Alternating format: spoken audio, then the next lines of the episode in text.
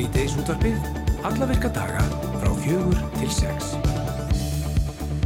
Komið sælir, kæru hlustendur og verið velkomin í síðdeis útvarpið. Við erum hér eh, Kristján Freyr og Hulda Gerstóttir sem að ætlum að halda þetta um stýrið í dag. Já, alveg til klukkan 6 komum við að við að venju og við ætlum meðal annars að heyra af eh, já, heiðus stund en söngvarinn Jim Morrison hefði orðið áttræður í ár hefði hann lifað og að því tilefni á að standa fyrir heiðust tónleikum og sögustund í haust þar sem að Björgun Frans Gíslason ætlar að breyða sér í hlutverk Morrison á samt hljómsveit og engin önnur en vera illu að dóttir verður sögumadur og Björgun Frans ætlar að kíkja til okkar á samt Kristni Snæ Agnarsinni og þeir ætlar að segja okkur meira á þessu æventyri hér á eftir. Einmitt, eh, vikan fyrir Vestlumuna helgi er að jafnaði einn annarsamasta vika ársins í vínbúðum landsins og því miður verður verðist tilnefingin að vera svo hjá allt á mörgum að heimsækja Vestlaninnar rétt fyrir lókun á fyrstudeginum. Starfsfólk vínbúðana hvetur viðskiptafinni sína að sína forsjálni og gerðu það í vikunni og til þess að heyra meira um þetta og fá kannski góð ráð gegn örtröðinni þá ringjum við í Sigurunu Ósk Sigurðardóttur aðstofastjóra átjáðaferð. Já og á 50. kíkjum við alltaf á með vikunar með alla fannari bjargasinni. Honum tekst jafnan að grafa upp allskynns skrítið og skemmtilegt efni af internetinu góða og verður spennandi að sjá hverju hann lumar á í dag. Það verður á setni klukkutímanum hjá okkur. Mm -hmm. Í Mósastalunum má finna hinnar skemmtilegu sumabúðir Reykjadal en þar hafa börn og ungmenni með föllun á aldrinum 8-21 árs noti sín síðustu árin. Um 250 einstaklingar heimsækja búðunar árlega þar sem að gleði, jákvæðinni og ævintýri eru ávalt í fórgrunni. Tónlistamæðurinn MC Gauti sæði frá því á samfélagsmiðlum í gæðir að hann hafi mætt og skemmt krökkunum í Reykjadal í nokkur ár og bent á að hljóðkerfið þar væri hálfpartin í lamasessi. Gauti fór því á stað með smá söpnun og við ætlum að heyra hvernig honum gengur. Já, gaman að heyra hvernig viðbröð hann hefur fengið og hvort að þetta verkefni fer bara ekki vel á stað. Nú við ætlum hugsalega að reyna að ná í skottið á henni Steinei, skúladóttur okkar. Hún er á ferðum Norð-Östurland og er í nágræni Kópaskes ah. og aldrei að vita nefnum við náum að hala hana inn svona undir lok þáttar og, og hún hefur verið að koma inn í þáttin hjá okkur undan hann daga með, með stór skemmtilega áhugaverð viðtölu við heimafólk sem hún hittir á förnum vegi í orðsins fylstu merkingu. Á, á hljóðvegi, eins og hún er búin að gera í sumar. Jú, jú, og gerir, gerir um helgina. Nú, það eru auðvitað fjölmarkar hátíður og skemmtanir framundan um Vestlunumannahelgina í næstu viku. Þar á meðal er hinn rótgróna hátíð Neistaflug í Neskopstað. Við viljum að heyra þess að hátíðin í ár og jafnframt frumflytja nýtt Neistaflugslag sem að Marja Bóel Guðmundsdóttir framkvæmdastjóri hátíðarinnar tók þátt í að semja og flytur líka. Og þetta kalla maður að vera allt í öllu og til að heyra þessu höfum við fengið Marju Bóel hér á línuna. Góðan daginn. Góðan daginn. Hvað er fréttað austan? Heyrðu bara alltaf besta, það er bara alltaf fullu í undirbúningi fyrir hátíðina Já. sem er bara virkilega skemmtilegt. Við nefnilega, við, við ringdum austur fyrir vikunni og þá var umræðefni kannski ekki alveg eins, eins hérna, spennandi þegar við vorum að heyra hérna, bílskurnum það sem fundust 21 geitingabú í veggjónum. Nákvæmlega, það var nú frænka mín sem var, sem var að hýsa þau, sko. Já, einmitt. Hún svo gest, gesturinn. Aðeins svo gesturinn kannski svona þegar áreindi. en, en, en norrfyrringar eru gesturisnir og ekki síst kannski þessa helgi, Veslunumanna helgina, þegar uh, neistaflugið fer fram uh, hátíðin á stóramæli ár ekki sett? Heldur betur, við erum 30 ára í ár.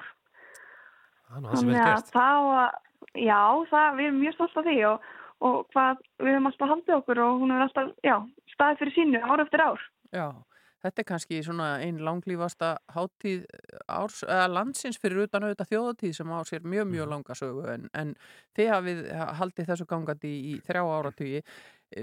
Sko, hver er svona kjarnin í neistaflugi? Hvað, getur líst þessu eitthvað fyrir okkur?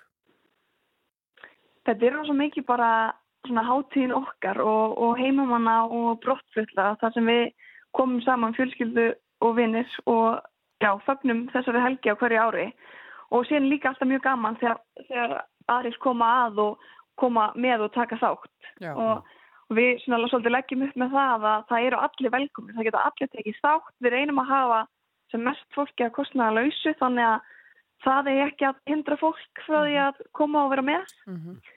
og þetta eru bara mikil svona samvera og gæðastundir sem að, sem að við erum að reyna að skapa Já. þessa helgi. Ég er hérna, einlegar aðdáðandi svona háttíða út á landi, það er mikið fjör og blómstrandi menning í hverju þorpi og hérna 93, er, hvernig gengur að, að bara að, hérna, að fá stemningu hjá, hjá bæjabúum? Er, ekki, er þetta alltaf jafn sjálfsagt og allir til í þetta hverja ári? Eftir, þessi 30 ár? Já, manni finnst það, manni finnst að fólk þykir mjög vænt um hátíðina og að sé eitthvað um að vera. Og, og flestir taka bara mjög vel í þetta og eru bóðinur og búinir að hjálpa til og skreita og mæta og, og taka þátt sko að fullu. Þetta er svona þannig að allt samfélagið einhvern veginn tegur þátt, það, það leggja allir hendur á bló.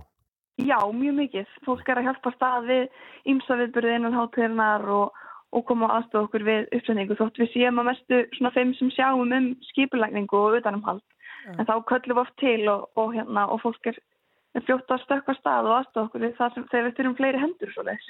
Það er frábært. En hvað er í bóði án þess að við förum að telja upp alla dasgrána en svona hverslas afþreying og skemmtun er í bóði fyrir gæsti? Það er alls konar. Við erum með bæði batnadagsgrá á lögadegi og sunnudegi þar sem að koma skemmtiatriði fyrir krakkana.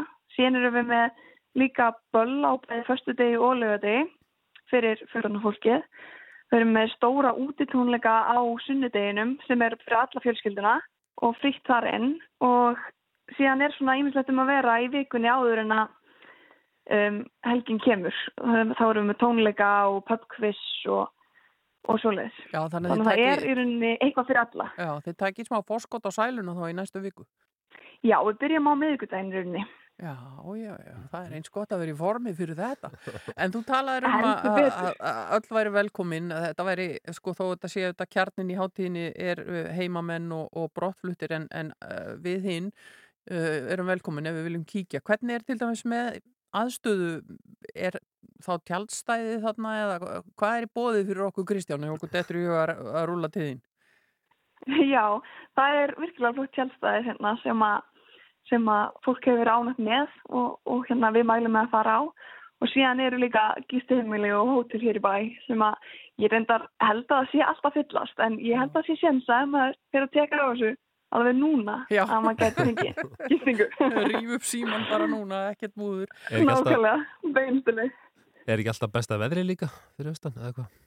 Jú, við, við gefum okkur út fyrir það. Það er alltaf blíða einnig. Já, þið haldið, haldið alveg í það.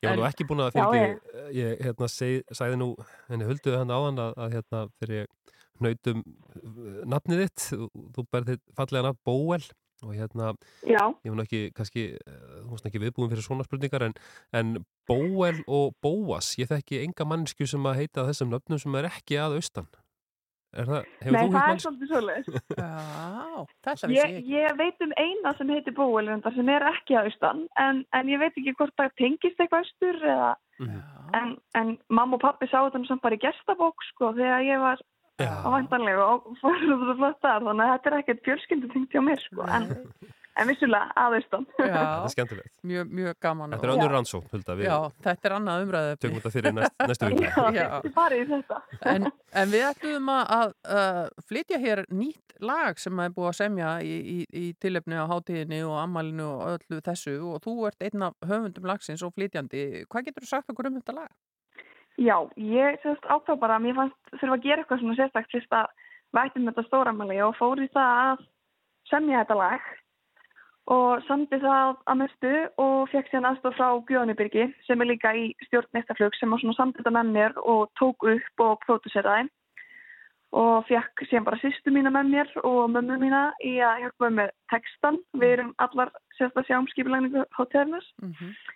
og okkur langaði svo að neistaflug eftir svona sitt lag. Það er svo mörg ár síðan það hefur sétt fyrir lag og þetta væri svona allir getur lært það og sungið með og búið til svona smá okkar stemmingu með okkar lagi. Já, þið ætla ekki að sitja undir því að sé alltaf bara einhver þjóðtíðalög í spilun, það þarf að heyrast Ég neistaflugslag líka. segi það nú, nákvæmlega, við þurfum að vera samkemnishæfi þessu sko. Já, Og verður lægið flutt uh, á hátíðinni um Vestlumanna helgi? Já, við ætlum, að, Já. við ætlum að taka það og vonum að fólk verði búin að læra allan að viðlaði svona til að ringja með mér. já.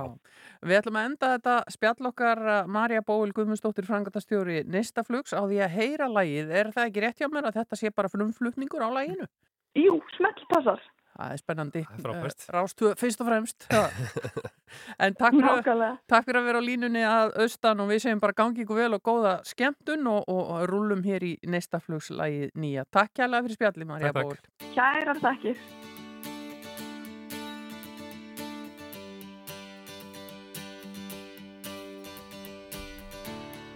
Komin austur en að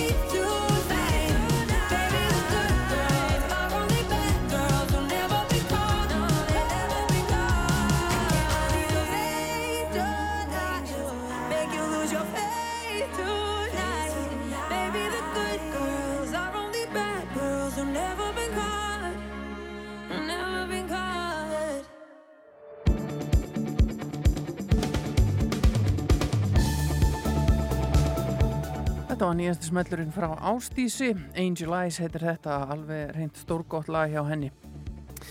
Jú, uh, við sögum hér frá því inganginum að, að uh, það verður náttúrulega Vestlumanna helgi næsta aðra helgi í vendum og, og það er alltaf annarsum vika og víða og meðal annars í vínbúðum landsins.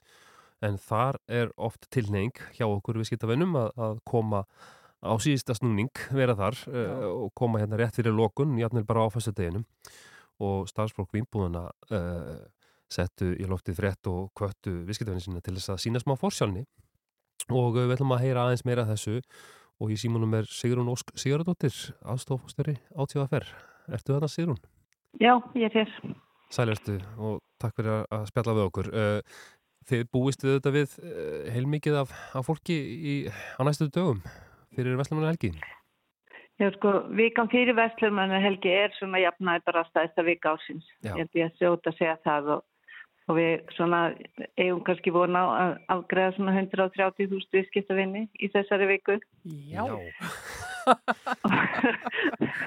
sko, það er ekki þannig að við getum ekki afgreitt það sem koma fyrst og milli, Nei, milli fjögur og sex. Það er bara alls ekki þannig að við séum neitt að veira okkur við því. Við erum bara kannski að benda á að þeir sem vilji kannski aðeins meiri róliheit eða Já. að þeir, hérna, þeir séu velkomnir á öðrum tímum. já, Það hafa myndast raðir þarna á síðustu dögum fyrir þessa stóru helgi eða ekki og, og það er kannski það sem að þeir eru að benda á. Já, við erum svona benda á þetta fyrir reyndar oft eftir því svona hvernig mánamótin liggja, Mhm. Hvern, hvað verður, hvað er mikið, hérna, hvað þessi dagurinn er annarsamur en hann er staðstur og hefur lengi verið og eigum svo sem bara vona því að það verði áfram en, en bendur bara svona á að þetta er, er, er þú veist, það er kannski ekki hægt að stökkva inn út á þessum tíma, það, þá er, eru fleiri viðskiptavinnir. En Þið eru ekki að fara að loka á akkurat klukkan 6 eða Nei, nei, auglýstum við erum lokunartíma? náttúrulega með opið lengur, við erum með, með hérna opið lengur á fyrstu döginum almennt og, og erum svo auðvitað með hérna, þannig að það er, þetta er ekki, við erum ekki óttast neitt að verði örtraðir, við erum bara svona að benda á að, að þjónustuna, það er, hérna, þeir sem vilja jafnvel ráðgefa þjónustu, þeir, hérna, það verður kannski heppilega að velja annan tíma en, en millir fjóru og sex á fyrstu daginn. En, en hvað með, uh, sko, það er engin helgar opnun, það er bara föstudagur og búið eða? Nei, nei, að Já, laugadagurinn er opinn. Nú, ég, ég greinleiki Já, ná já. duglega að fara í ríki, það segir sér sjálft þetta. Já, það er opið á nei. líka, en síðan er það bara já. og basta og ekki þetta fylla á sunnudag eða mándag. Nei, nei, þá bara, þá er bara gleðin búinn, nei.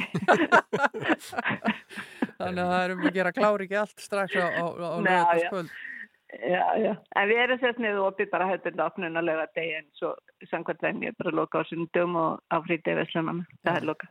En er þetta eins, er sama álægið á öllum útsölustöðum á TFR um landið eða er þetta svona staðbundi svolítið? Þeir eru auðvitað aðeins staðbundi, bæði fyrir þetta náttúrulega, er þetta viðutengt, það bara held ég sé alveg út að segja það. En auðvitað er kannski vestmanna er standa alltaf svolítið út fyrir á, á, um vestlumannhelgi þegar það er Já. stjóðatíð. Mhm. Og það er svona, ég kíkti aðeins á það, það er svona fimmfald, fjara til fimmfaldast hérna salan í vestmanna með við svona höfbundna viku í þessari viku. Ekki það, Bæði í lítrum og við skiptavinnum því fjölda. ekki það að það búi meira að drikkjufólki þar endilega. Nei, nei, ég held að, ég held að við séum alls ekki að tala um það. Nei, ég held að auðvitað reyfnilega að vera fyrir, fyrirgeðu, segir hún. Já, Ég held nefnilega að Hulda hafi verið að veiða upp úr þér þær upplýsingar. Hvar væri drukkið mest um landið? Það er svona, já. væri gaman að heyra því. Nei, nei, nei, nei, alls ekki. Það er kannski bara það sem mest í fjöldin er það. Á hverjum það er, tíma. Hérna, á hverjum tíma. En vestmannir eru auðvitað, hérna, er, það er mikið álega vestmannum. Það, þegar er þjóðabdi, það er bara þannig. Já, hversu margir útsölustæðir eru, eða hversu marga vinnbúðir og, og útibú þeirra á landinu? Við erum með 52 vinnbúðir. Já, og þær dreifast Já. bara allan hringi. Já, það eru 13 hérna höfbrukarsvæðinu og, og hérna svo er það bara um allt land. Já. En nú þegar svona stór skemmtihelgi er framundan og, og mikið að gera hjá ykkur, eru þið í ykkur forvarnastarfi, eru þið svona að, nippa í fólk þegar það er að vesla byrðnar fyrir helgina og, og minna á að eftir einn, eigi ekki neitt og allt það?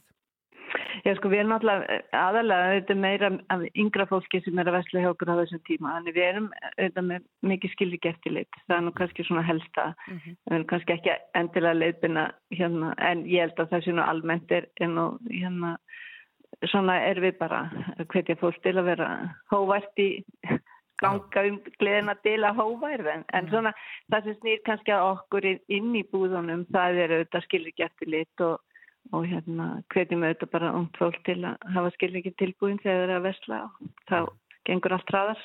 Já. Hversu stór, ertu með kannski ykkur á tölur yfir það bara að hversu stór hluti af sölu á árs hérna gundalli eru þarna í þessar, þessar daga fyrir Vestlarmanna helgi? Já, sko, hérna, við kannski erum að tala um að við seljum hérna tutt, yfir 20 miljón lítra ári en í þessari viku er, er það svona kannski 750.000 lítrar. Já, þetta er áhugaverða tölur. Og einhver þráður í, í, einhver þráður í þessu, í svona, er það eitthvað eitt sem er valið heldur en annað? Það er kannski bara ölið? Sko, það er náttúrulega alltaf bjórin er, er lang stæðsti flokkurinn. Já. En, en svona heilt yfir er náttúrulega bara aukning í öllum flokkum í svona bara í, í, bara í stóru vikum þá er, er það bara. Kannski meiri bjóri yfir sumarið og, og meira vín fyrir jólinn, en þó er alltaf bjórin langstæðst til hluti. Já, það er auðvitað ástíða sveiflur í þessu eins og öðru en uh, forvinnilegt að heyra af þessu og, og, og eins og þið segið kannski skynsalegt fyrir fólk sem ætlar hvort sem það er að fara í vínbúðina eða aðrar búðir að, að dreifa álægin og fara bara að huga að þessu jafnvel nú þegar. Já. Sigrún Ósk, uh, Sigurðardóttir aðstofa fórstýri átíðaferð, takk fyrir að vera á línunni hjá okkur og, og segja ykkur svolítið af þessu allir saman. Já, takk sem leiðis. Takk, Takk. fyrir spjallið. Já, þetta var forvinnilegt, 750.000 lítrar, sagði hún. Úf, og uh, við skulum vona að, að það skili sér alla leið uh, ammælisvað gerdagsins Mick Jagger hérna með Rolling Stones I can't get no satisfaction. Ég er ekki vissum að maður fái það í gegnum drikkin en hann getur klart í vínbúðinni kannski.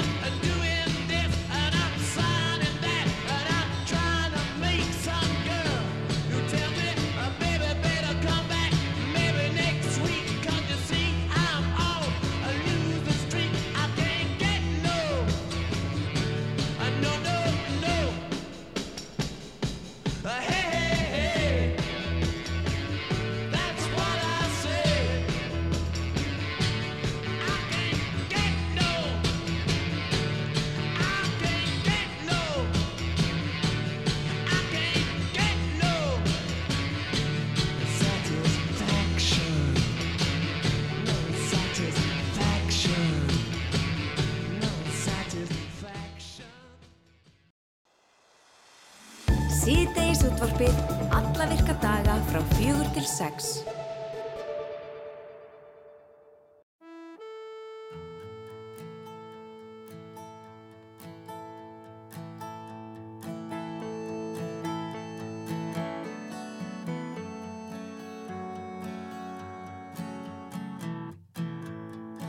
Oh, it's healing, bang, bang, bang. I can hear your cannons call. You've been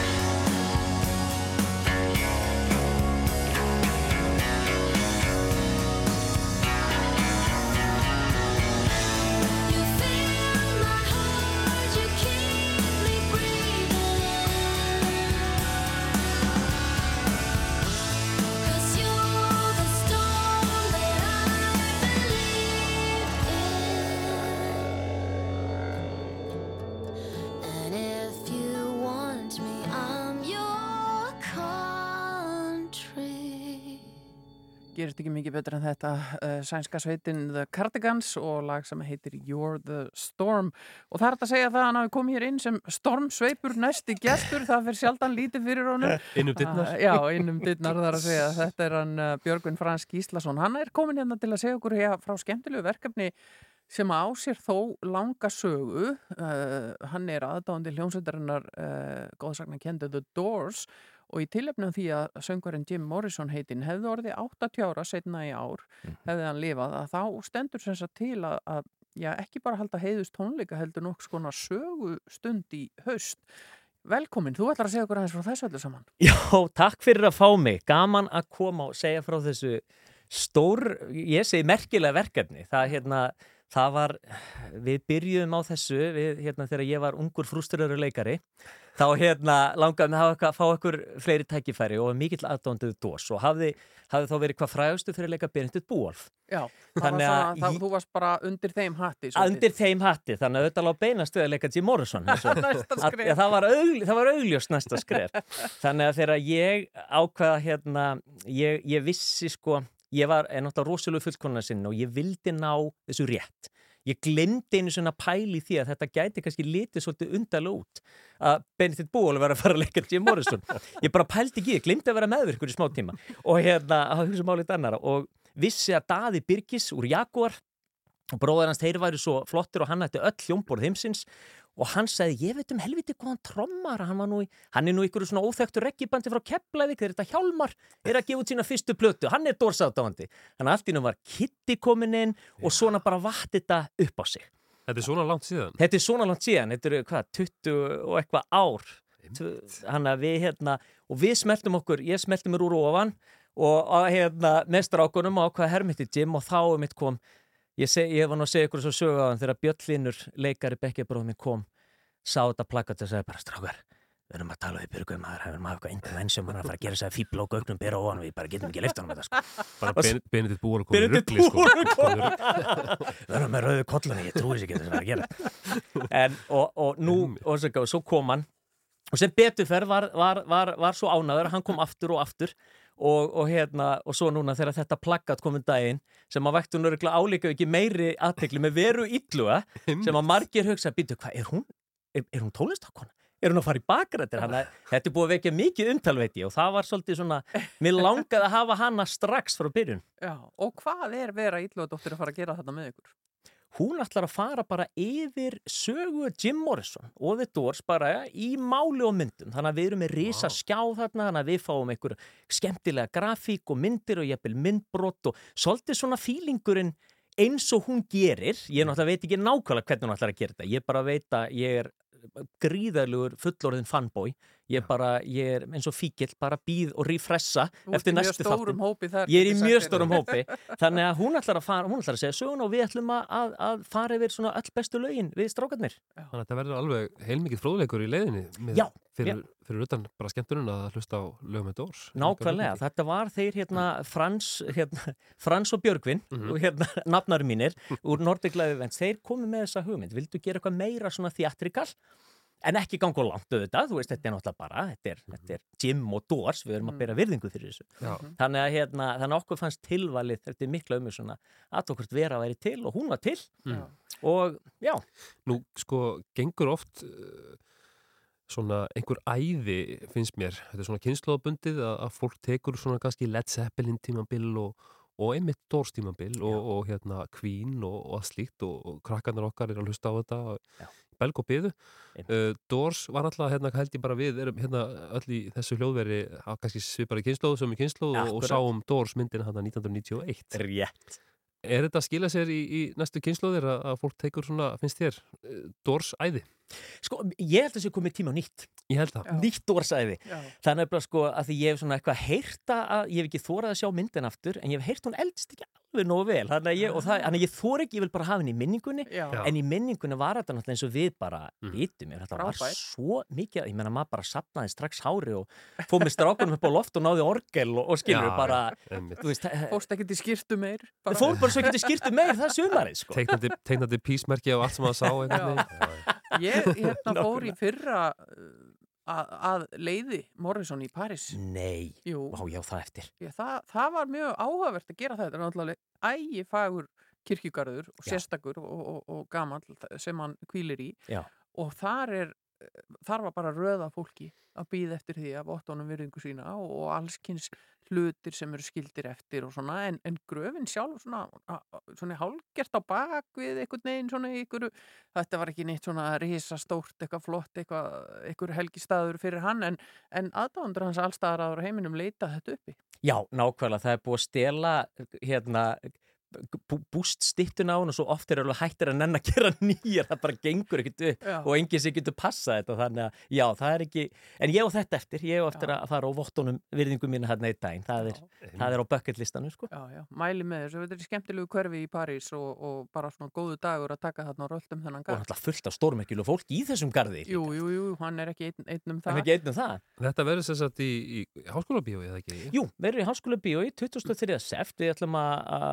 eða ekki? Jú, verður í Háskóla bíói 23. seft, við ætlum að, að, að opna sér formlega miðasalan á morgun og miði X Mhm. og bara hvetjum alla líka sko unga sem aldnar, en að draga líka talandi um annað dórsæðir, en að Mhm. kannski draga sko, unga fólkið og já, fá, fá hérna börnin með og eitthvað svona, sko, gera og við ætlum líka að gera svolítið meira úr þessu, við ætlum að hafa svolítið eh, á þess að segja mikið, við ætlum að gera svolítið bara svona stemningu alveg frá byrjun, frá því fólk kemur inn þá bara þá er það bara hérna, líkt hljóð og mynd sem að mætir fólki alveg frá byrjun og ætlum að búa til Já. stemningu en að sé bara komið tilbaka. Hvaða lykt ætli það verið? Já, það er spurning hvað er. Rauðvin og síkó? Já, já, mögulega, I wonder, I wonder. Hérna, en, en það er sko, eins og segja, það væri gaman að ná. Við vorum einhvern tíman, gleymaldri þegar við vorum með soundchecki Mm. eh, á gögnum og, og hérna, og við hafa bara opið út svona sól í heiðu eins og í dag og við bara erum akkurat að taka LA Woman alveg í góðum fíling og það lappin bara eitthvað hjón bara eitthvað svona random hjón og kíkja og setjast og við bara, æ, ok, whatever og þau horfa og hlusta á all lagið sem er náttúrulega langt eins og mörg dórslögin og eiga að vera. Stóðu upp og klöppu bara it was great, it was great. You know, we saw the doors at Whiskey at Go-Go 1968 and you were just exactly like them. Og við, bara, og við fórum bara að gráta við bara, "Ah, hver, hvernig gæti þetta gerst? Af öllu fólki sem gæti labbað inn.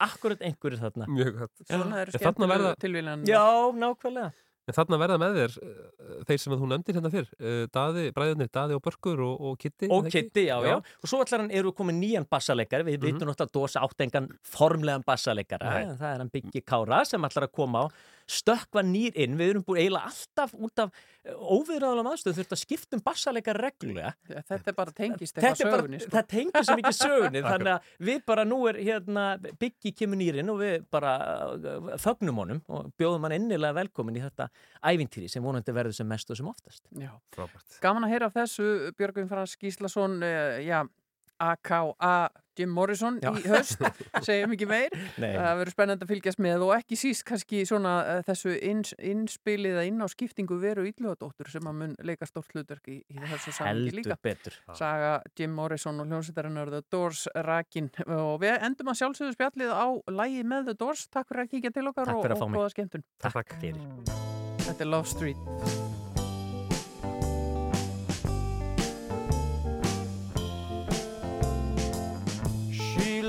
On Love Street, lingers long on Love Street. She has a house and garden. I would like to see what happens.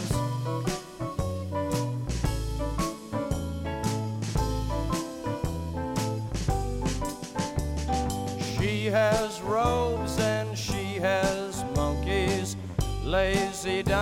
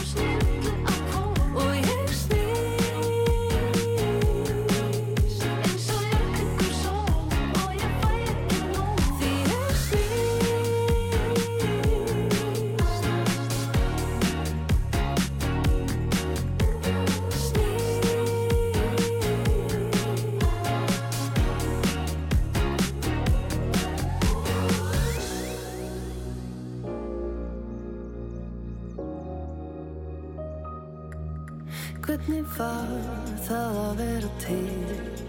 Þegar þú varst ekki mér við hlið. Því heimurinn hann í ringi kringum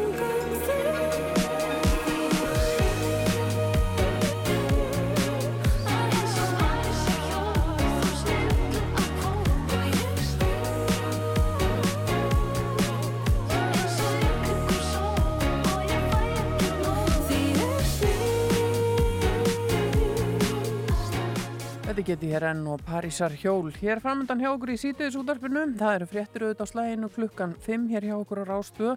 Að þeim loknum ætlum við meðal annars að fara í með með vikunar með allafannari sem að verður ábygglega eitthvað skrítið og skemmtilegt eða í þekkjanri. Úf, einmitt. og svo ætlum við líka að ringja í MC Gauta sem er að sapna fyrir uh, góðu málefni.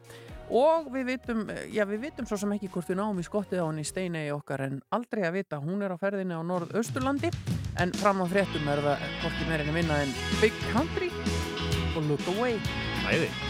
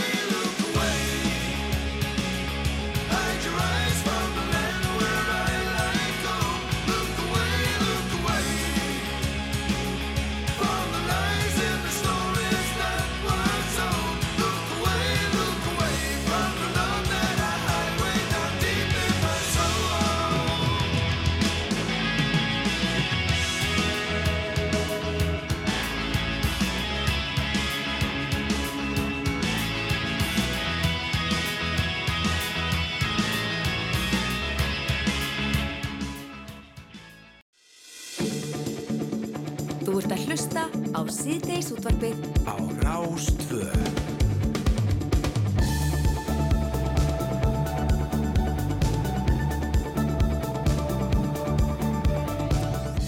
Áfram höldum við hér í síðdeis útvarpinu á Rás 2. Uh, gaman hjá okkur hér Kristján Freyr og Hulda Geirs.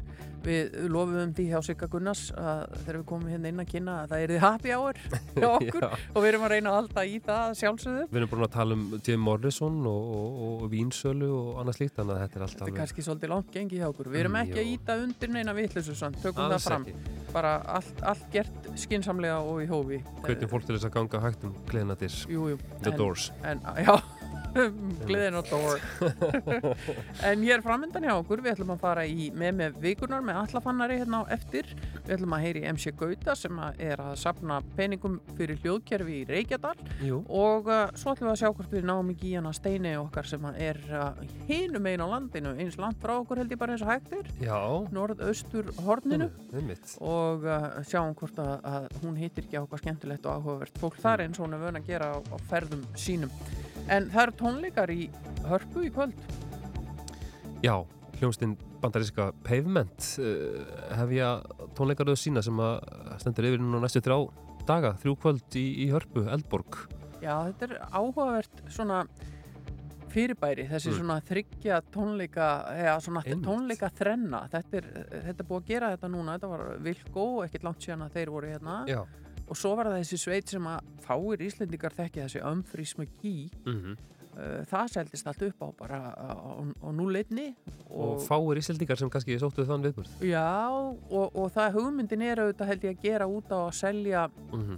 uh, bandaríkjamannum eða öðrum aðdáðandum út í heimi þessa Já. þrennu í pakka, koma til Íslands, fara á þrennatónleika, gera eitthvað fleira og ég veit að Payment eru að lappum bæinn með Arnar Eggert meðal annars í, í svona tónlistagöngum Mhm. Já. það var þetta að kaupa sig inn í það og þannig að þetta er, þetta er rakið tækifæri og- Íslenskar sveiti sem að spila hann undan hitta upp þessi þrjú kvöld, aldrei svo sama. Nei. Í kvöld er það Skakkamanniki og á morgun hljómsdinn Botleðja og svo Mammút á lögataskvöld. Já. Það verður gaman fyrir þær. Öruglega er hljómsdinn Payment svona einhvað, svona hefur eitthvað komið nálægt uh, þeirra sköpun allavega. Ábyggilega gaman að geta sett það salt. líka á, á ferilskrána að þú hefur spilað með þessari Já, sveit það er, það er það ekki sko við tölum við, við botleðu drengin hérna í síðustu viku og þá voru við að tala um að þeir hafi heyrt plötu árið 1994 frá Payment og, og hún heitir sko Crooked Rain í tvígang. Og ég man sérstaklega eftir því þegar ég las uh, dómum þessa plötu Já. þá að þá var fyrirsöndu bara hún er svo góð að þeir nefnd hana tvis og þá var ég eiginlega komin á vagnir líka sko þannig að ég hlakkar til að sjá til. Þetta verður gaman og, og uh, ég held að sé ennþá hægt að fá miða þannig að og, og komin einhver tilbóð í gegnum uppbytuna hljómsveitirnar og gegnum hörpusveitina sem að er uh, það fólk sem er á postlista hörpu og svona Mhm. hver tónlistar áhuga fólk til að kynna sér þetta þess það er ekkert alveg á hverjum degi sem við fáum svona sveitir til Íslands og já, en síður ekkert á, á hverjum degi sem að, allavega sumar af þessum uppbytuna hljómsveitum uh, koma fram og í kvöld er það eins og þú sagðir skakka mann ekki, við ætlum að heyra hérna í þeim Non-Smoker heitir lagið Baby, I feel so lonesome tonight. For this morning, I started to fight. I killed my friend and got two birds alight. I found a me out. She's very kind to me, she never shouts. But it's not the same, it's not what love is about. When we go out to have a beer, I get restless cause she's not here. I'm only using you to avoid the fear. And she is still all around. On every table can be found. Remains of her, sleep and sound.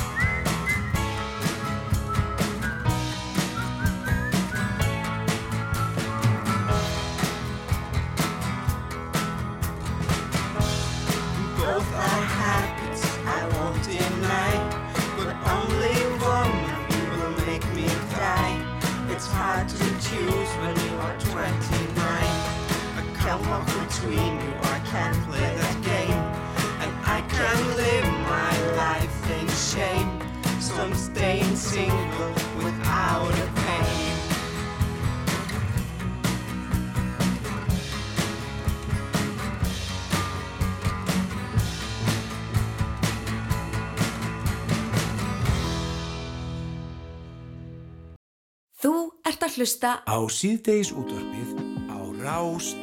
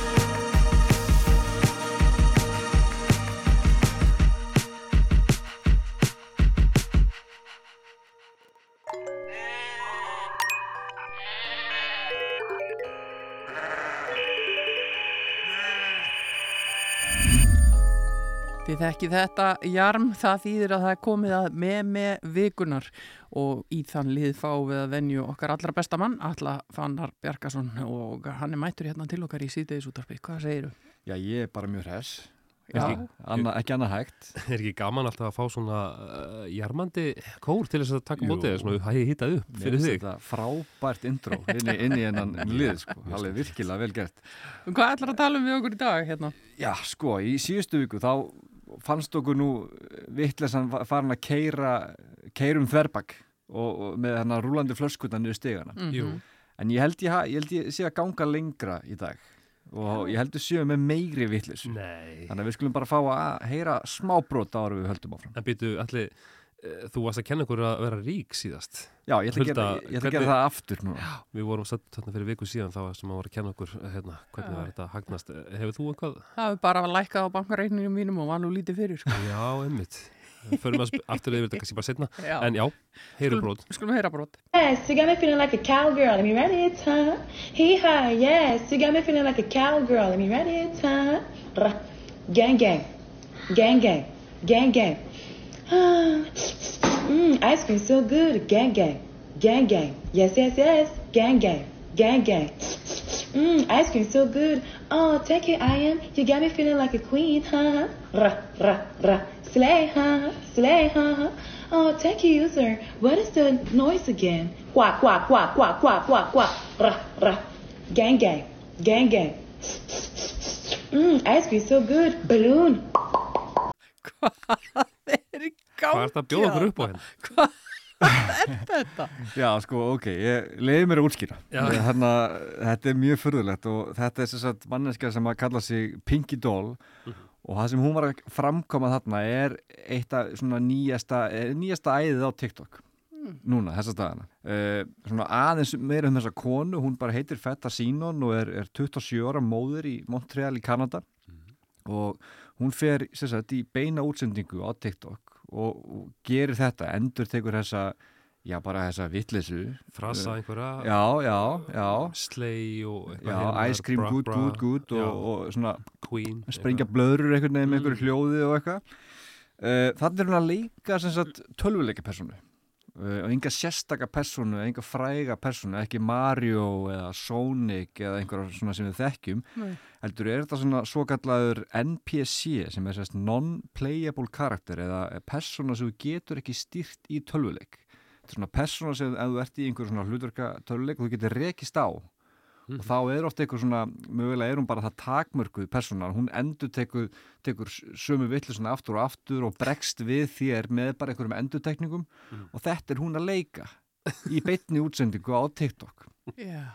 og þetta gerur hún bara í alltaf 90 mínútur í senn?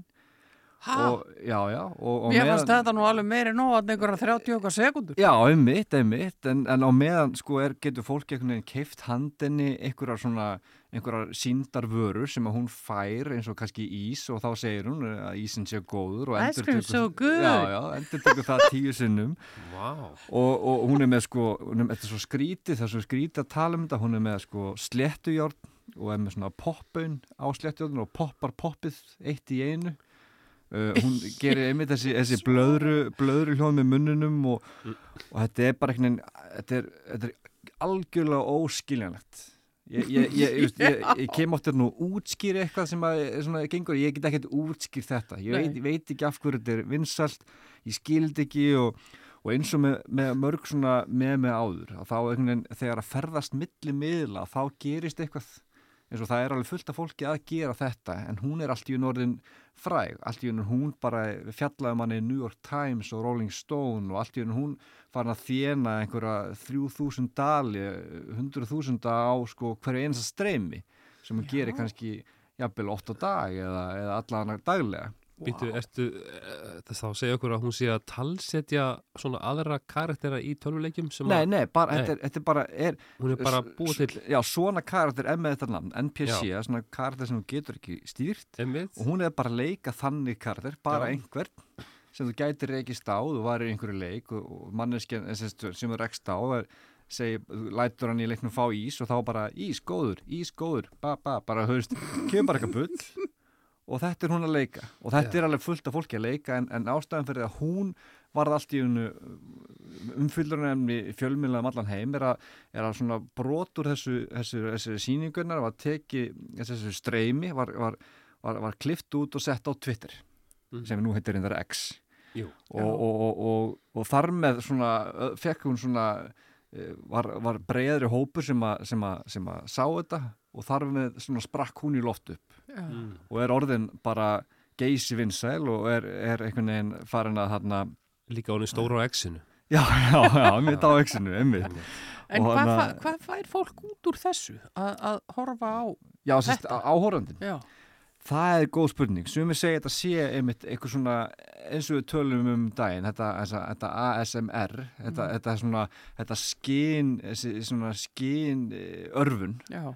eitthvað við þetta sé það. Og veist, ég er að pæli hvort það sé ekki hreinlega bara einhvers konar einmannaleiki ja, þú veist, þú, hana, þú setur við síman og, og þannig er einhver svona kunnulegur, kunnuleg persóna, það er að segja þessi, þessi generíska tölvuleika persóna sem þú rekst á þar er komin bara í símaðin og er alvöru manneskja. Að, og þú, þú kaupir einhverja nokkra dólar eða nokkur sent ein- eitthvað á gefurinu og hún bregst við og þetta er eitthvað svona þetta er einhvers konar svona eh, hana, þetta endurspeglar einhvern veginn hvað, hvað við erum langt komin í þessari, þessari svona, hvað ég segja samfélagsmiðla rugglvæðingu í heiminum að, að þetta sé einhvers konar félagskapur og þessari gerfi veröld sem að Já. margt fólk Sko, bara ég er orðið fast í. Ég held þegar ég heyrði þetta hljóðbrót hérna á hann að, að þú var að fara að segja okkur hvernig bara hvernig allt mun hljóma þurrt og, og leiðilega í, í gerfigreind Já, framtíðarinnar. bara þarna geti kannski verið einhvers konar hljóðbók eða eitthvað í gangi sem, að, sem að gerfigreind les Já. og það er enga tilfinningar, engi sál. Einmitt, Þannig að einmitt. Ice cream, good, good, eitthvað svona. Já, en mér fannst einmitt sko framsetningin ekki vera svona þurr. Mér fannst þetta að vera frekar í ætt við til dæmis bara eins og kynlífstjónustu í síma. Já, þarna kemur á öðru. Það er sko mörkin milli það sem þeirra sem er að gera þetta og þeirra sem eru hreinlega kannski bara að framleiða klám á til dæmis vefsum eins og OnlyFans. Það sem að, það sem að, klám, það sem að framleiða klámið fara svona nokkurnin millilega löst til, til neytenda sinna, það er sem bara gegnum þessa síðu, ekki ekki um framleiðslu fyrirtæki eða annað, að það eru þau sem eru að þessu eru oftar en ekki að framleiða líka klámið á OnlyFans og þetta, þetta, þetta format hefur verið svona gaggrínt fyrir það, þessi, þessi, þessi, hérna, þessi, þessi stuttu leið eða óskýru mörg milli þessa og klámheimsins Mm. og hún uh, feta okkar, Pinky Doll hún er líka á OnlyFans Já.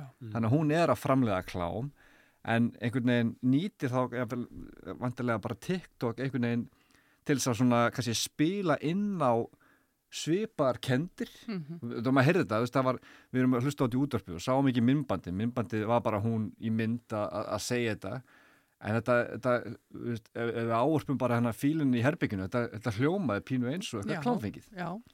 og hann að hún svona, einmitt, hún er kannski að spila inn á þetta og þar eru komin að þessum kannski ástæða einvinnsaldana og einmannaleikarum og annað Mhm. að þeir sem að svona, þetta höfða til eru einhvern veginn að fá kannski í bara, veist, hún er einmitt, ekki að leika alveg mannesku, er að fá einhvern veginn bara svona lifandi kynlífstúkku í símann sinn já. einhvern, ein, ein, með einhvern ótrúlega förðulegan hátt Já. og, og er að gera hann að miljónum hann ekki Já, og hún náttúrulega má ekki setja OnlyFans efnið sitt út á TikTok, hún er Nei, því náttúrulega, það er því loka á það, en hún getur, já, ef við notum þann uh, slæma slettu frasa, hún getur tísað já, sjálfa já. sig og það sem hún er að Já. gera í gegnum þetta. Einmitt, og getur svona orðið vinsal þarna og svo bara herru, svo er, og, og ef þið viljið, hérna, vi- viljið eitthvað annað þá er hérna, hérna tengill á, Mm. á annars konar efni. Flott hvernig hún svona nýtir þessi samleiðar áhrif samleiðin á milli Einmitt. miðla. Og þetta, en svo svona í endadags þá verðist þetta allt snúast um peninga. Já. og, og það er sko eins og með hana, hún, hún er, að, hún er, á, er á, á X, er á Twitter, er þar að, að monta sig að því hvað hún þénar hún er svona að segja, ég, þarna, vá, ég fann að þéna hérna, þetta mikið, mörg, mörg þúsund dali á dag að gera þetta Mm. og hún er í viðtali um þetta í einsum fjölumilum og þar var hún að tala, hún væri alveg að fá líka neikvað aðtekli út á þetta það margir, margir lendi í því að verða svona þekktir á internetinu að, að fá mi- mikla, mikla áreitni í, í Mhm. kjölfarið, að alls konar skilabóð og alls konar bara ógeð sem þú færð sendt, en hún segir sko en, en, en ég menna það skiptir einhver máli meðan, hérna, meðan ég, hérna, meðan það skilur sig í vasan Já. þannig að þetta er einhvern veginn það er einhvern veginn sama þetta er eh, annað líka við svona kannski veruleika okkar, það er sama hvað að gera, eða þetta bara eða þetta einhvern veginn Skilar sér. eða þénar. Skilar vel í vasann. Að- já, þá einhvern veginn skiptir hitt einhver, einhver máli og maður svona verður við einhvern veginn, ég tengi ekki alveg við þetta þessa hugsun, Nei, en þetta er, þetta er Sjálfsvirðing, er Já. það eitthvað til að vinna með? Minna, Ná, nákvæmlega sko En Þetta er aðeinsvert, en já. eru, þau- eru þá mörg í þessu? Ég meina þetta er, þetta er eitthvað svona eins og þú nefndir í byrjun, þetta fyrirbæri sem slíkt að gera þetta er já, vinsælt. já þetta, er, þetta var áður en hún kemur fram að þá einhvern veginn eh, virðist þetta vera hafa svona, vera meira bundi við svona, svona japanska svona anime he, heim einhvern veginn og þar svona er, þetta, þetta hljómaði pínu þannig Mhm. en þarna er bara hana, svört stelpa í Kanada að gera þetta og þá svona það sem að ég sé aðra á tekt og tala um er að það var svona kannski hressandi að sjá manneski sem að var svona, svona ekki svona, hvað ég segja, svona típisku hluta sem heim í framkvæmað þetta Mhm. sem er kannski hlutaði af hverju hún er svona vinsæl en, og vinsæl en, en, en aðrir sem er að, er að gera það sama sko. Já. Þetta Þannig að þetta, þetta er margslungið og mjög skrítið og ég hveti ekki fólk endilega til að skoða þetta. þetta, er, þetta þú veist að það er allir að vera að fletta þessu upp núna, vistu sæðið frá þessu. Þetta er alltaf ekki mikið meira en það sem við fengum að heyra uh, á sko. hann sko. En hana, Þessi stúl, hún heitir Feta. Já, hún heitir Feta. Og er, frá, og er í Montreal. Já, en kalla sér Pinky Doll. Já, já, akkurat. Þannig að Já, hérna, hérna. Allir fannar hættir ekki að koma óvart og, og garfar í, í, í skringilegustu kema internetsins með okkur hér í með með vikunar. Takk fyrir að kíkja við í dag. Já, takk. Takk. Fyrst og fremst með þér. Við erum Rástföð.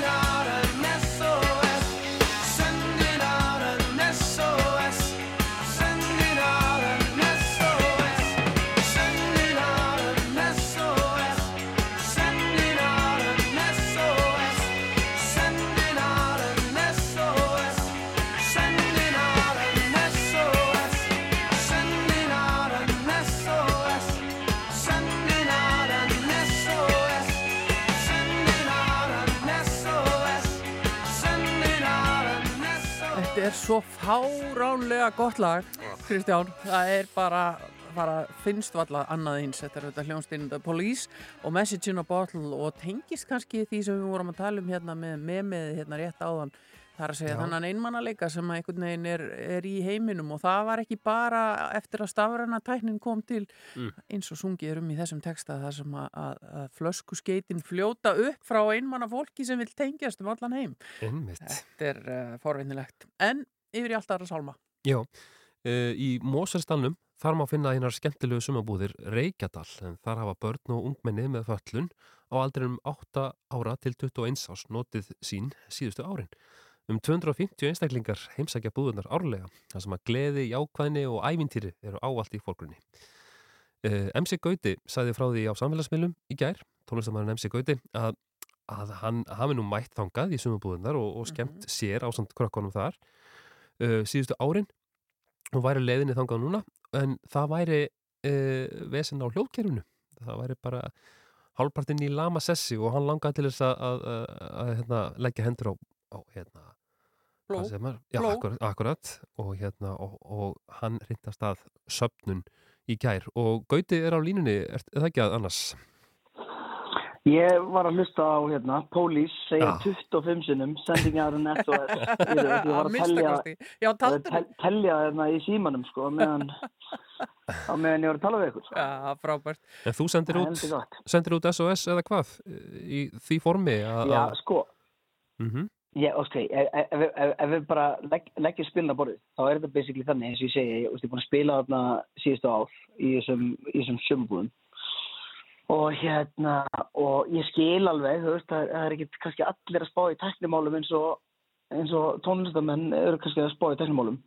En það er alltaf skemmt, skemmtikraftar og það eru skemmtanir, karaoke, að loka ball og alls konar hlutir sem eru í gangi þarna í sumbúðunum.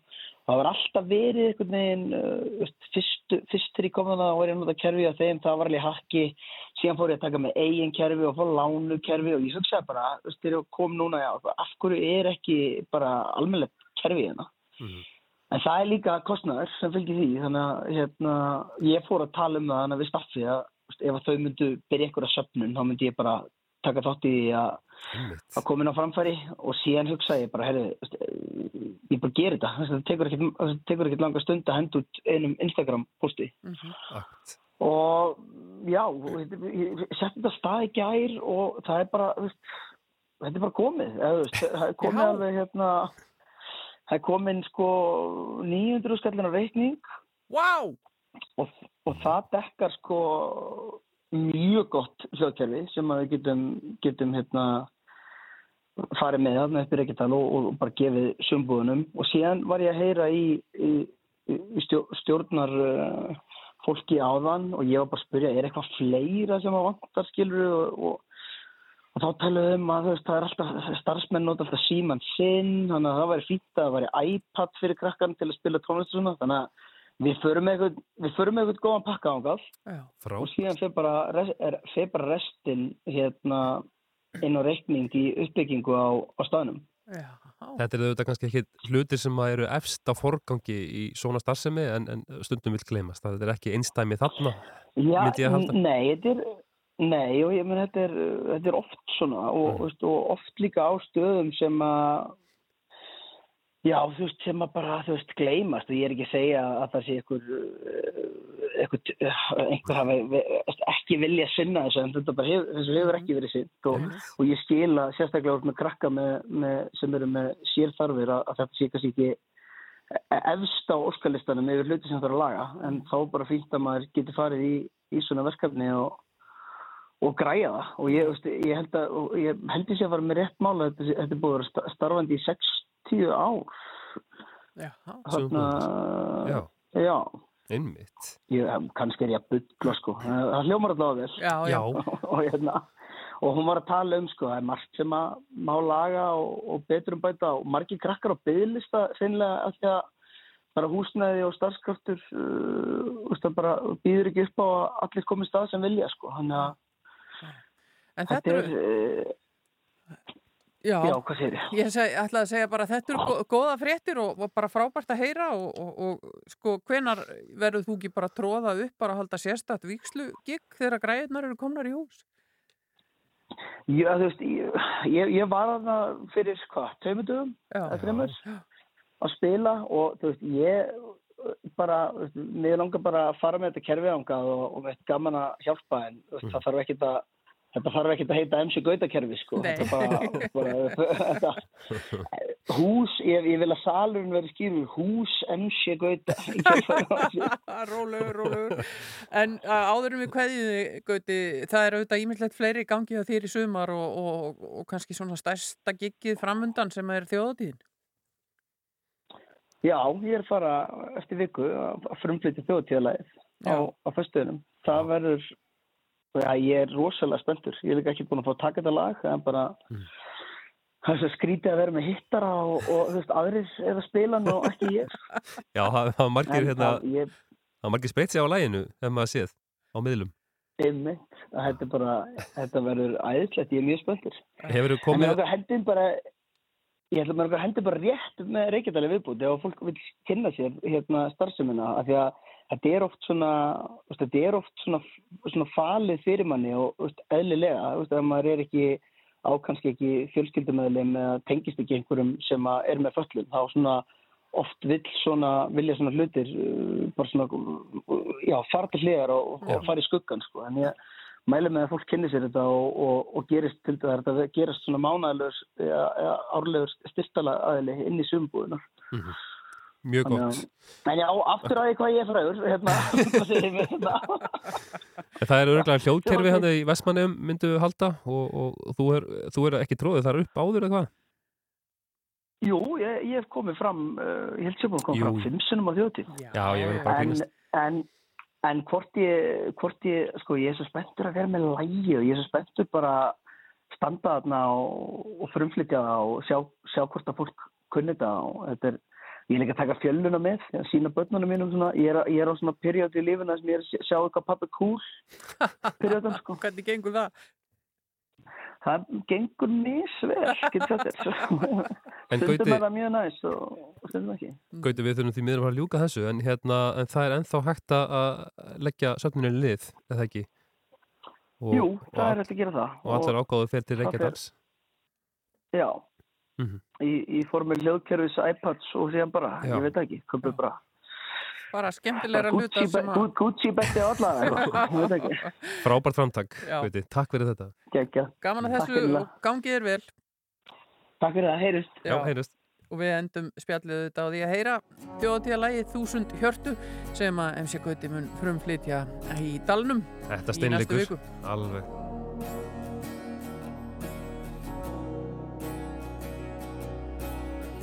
Ég er með vorbóða í vasanum.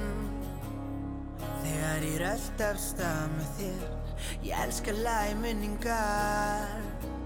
Með því að gleyma mér með þér Hvað er betra en kvöldin. Þegar kæru leysi tók völdin Það er stundin sem ég fæ aðeins með þér. Þegar þú sem hjörtu slá í takt að þú sitt hjá mér. Það er allt. Þó að nóttin mæti verður aftur bjart. Þegar þú sem hjörtu slá í takt. Ég finn orkun að magnast, margfaldast á hveður sólinn sest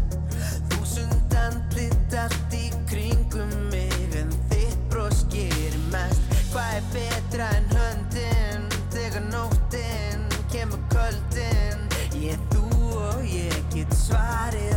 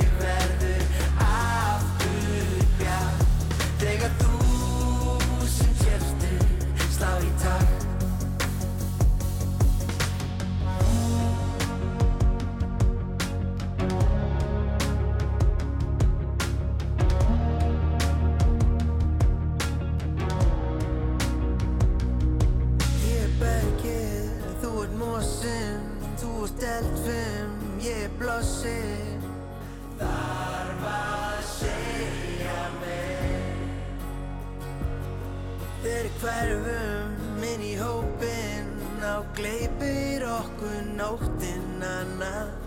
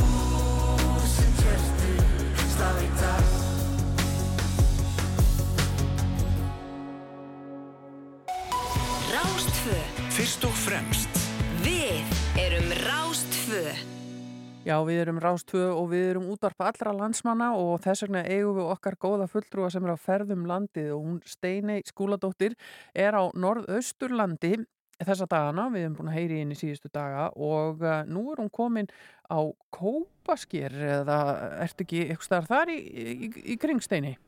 Ég er sko bara svo sannarlega á Kóparskeri. Ég er sko í fyrsta húsinu sem var byggt á Kóparskeri. Já. Þannig að já, ég er á Kóparskeri. Uh, og einmitt, það er hérna, maður náttúrulega hefur heyrt mikið sko um Kópasker og þá kannski aðlagi því ljósi að það sé svo langt í burtu eða lítið eitthvað svoleiðis og ég þurfti náttúrulega bara að fara á staðin og sjá og uh, þetta er ótrúlega fallegur staður. Já, það ekki? Og jú, ég fór hérna inn í uh, eins og ég bara farin að gera, ég fer bara inn í köffilagið á staðnum og spyr bara jæja, við hvernig á ég að tala og þá var mér bent á hana Hildi Óladóttur sem var að opna hérna gistiheimili og nú er ég bara að sitja hérna í eldúsinu hjá Hildi og búin að fá sóta vatn og við erum bara búin að vera að spjalla. Þetta er, þetta er stórkostli vinna sem ég er í, ég er bara að eignast vinum allt land. Heyrðu Hildur, hvað segirðu? Hvað, af hverju ert þú með þetta gistiheimili?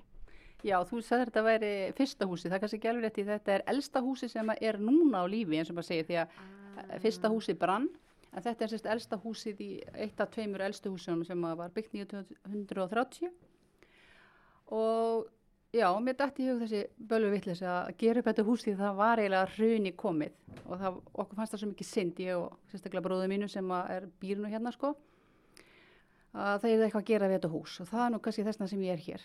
Og þú ert hérðan? Já, ég fættu uppalinn hér á Kópskeri. En hefur, en ert kannski, já, en ert leikskólakennari á Akureyri uh, og núna er mitt gisti heimilisrekandi og pottavörður af því að þú lést líka setja potta, heita potta. Já, það var eiginlega fyrsta sem við gerðum. Við settum upp tvo potta hérna á, bara niður við ströndina og það var draumurinn að sérst fólk uh, sem kæmi hérna væri ætti leið hjá, kannski kæmi allar leið frá Reykjavík, það er rosa langt í burtu og hérna geti skellt sér honni í pottana og, og bara eins notið uh, friðsaldirinnar og náttúrinnar og það sem við höfum hér upp á bjóða. Já. Og mjög mikill kosti náttúrulega líka því að pottanir eru svo nálagt sjónum að það er líka hægt að fara í stóra pottin sem er sjórin. Já, það er eiginlega skilda. Kom inn að 20 manna hestápur í gæri og ég sagði að það var ekki hægt að fara í pottin ef að færi sjóin og þau fóru öll. Það var geggja flott að sjá þau. Mjög gott, en sko nú er ég búin að aðeins að fá að skoða hérna húsi og það, þetta er algjört augna konfekt þetta hús, það er svo mikið af svona lítlum dítilum og bara uh, já, það sem þú hefur leift sko gamla húsinu að einhvern veginn skína í gegn, gamla steipan, það er alls konar rekaviður og gattavýr og ég veit ekki hvað og hvað, hvað hérna, hvað, þú veist, hvað hugsaður þegar þú fórst af stað með þetta að gera upp þetta hús? Já, hugsunni var fyrst og fremst að bjarga húsinu og gera kannski eitthvað gott fyrir samfélagið. Það var svona fyrsta hugsunin. Og svo fór maður smá saman að spája byrju hvernig að ég er að borga þetta allt saman og, og þá kom upp þessi hugmynd að reyka gisteimili og síðan var þetta bara spunnið áfram. Við byrjum hérna niður, byrjuðum neðst og hækkuðum okkur svo smá saman upp og það var bara unnið svona hendi fram eða hvað ekki segja maður, svona, já þetta kemur bara svona sjálfur sér Mhm. og hérna eitt leiti af öðru og bróði minn er smiður þannig að hann er búin að gera rosalega margt og, og hérna svo er rosalega mikið sem að er játsmíð að því að fyrirhundi maður minn er játsmiður og alveg mistaralegt verkefni uh, verk sem hann hefur gert. Þannig að saman hefur þetta bara og svo kem ég kannski og set svona litla hluti hér og þar og þá, þá verður þetta svona. Þú setur gattaverinn? Ég set upp gattaverinn, það er alveg að reyna að það kemur frá mér Nei, þetta er alveg stórkuslegt og einmitt svo frábært að eh, hérna, koma með ykkur svona nýjar nýjungi fyrir fólk til þess að koma og gera sér ferð hérna á Kóp Kópaskir og á Melrakkasléttu. Já, ég held að fólki hérna á sveginum sé líka bara mjög ánægt með það að sé eitthvað um að vera og, og hérna, þessi litlu þorpi er náttúrulega undir höggja sækja, sækja og við byrjum hérna á þessu þegar var hér verkefni í gangi sem heitir Bróttætta byggðir. Það er styrt okkur svolítið í hér svona startið og hérna núna er þess að fyrsta skipti að reka húsið í fullum rekstri. Uh, ég, kannski, les, ég bý allavega, ég bý í, í stúdíuíbúðinni en það er að leia fjór herbyggi uppi og næsta ári þá verður allt húsið vonandi í rekstri. Mhm. Íbúðin líka, stúdíuíbúðin. Þannig að fólk getur bara farið að byrja að panta sko. Og ég, eh, sko, þegar ég er búin að vera að lappa í gegnum þetta, ég er búin að vera að segja, sko, hús og hýpíli verður að koma hérna og taka myndir af þessu. Af því þetta er svo flott, sko. Það er bara eins og ég sé á prósentu fyrir auglýsitt eða eitthvað. En nei, þetta er bara dásamlegt og bara einmitt, alveg svona falin gersemi. Ég, eins og ég segi, ég kom inn á Kópasker, ég vissi ekkert við hvernig ég ætlaði að tala og nú er ég bara búin að, ég er bara uppfull af innblæstri að fara að finna mér gamalt hús og gera það upp. Þetta hljómar, hljómar vel steini. En það komið að lokum hjá okkur í sítiðsútrafinu, þannig ég ætla að senda bestu kveðjur uh, austur, norð-austur til ykkar á Kópasker og uh, við sjáum hvað þú drefur niður fæti næst, uh, næstu daga og að minnstakosti í ljóðveginum á, á lögadaginn kemur. Heyrim setna. Takk fyrir spjallið. Já, alltaf gaman að heyri í Steini og, og Jóhanni Alfreð þegar þau eru á ferðinu um landið, þau koma víða við og, og það er uh, virkilega gaman að fá einsýn í líf fólks hér og þar um landið og uh, eins og ég sagði, bara komið að lokum hjá okkur í sítiðsúttarpin í dag. Það voru Hulda Geistóttir og Kristján Freyr Haldursson sem sáu um þáttina þessu sinni. Ég verð hér aftur á morgun á sama tíma á samt Júliu Margreti en ég ætla að enda þáttin í dag á því að heðra Sinead O'Connor, tónlistakonu og aktivista sem að kvatti þennan heim í gær og uh, við þakkum henni fyrir ekki bara músíkina heldur fyrir baráttuna og allt sem að hún færði okkur inn í þennan heim með þessu fallega lagi sem heitir Thank You For Hearing Me. En hér á eftir heldur auðvitað dagskrána áfram á Rástvö þannig að ekki fara langt.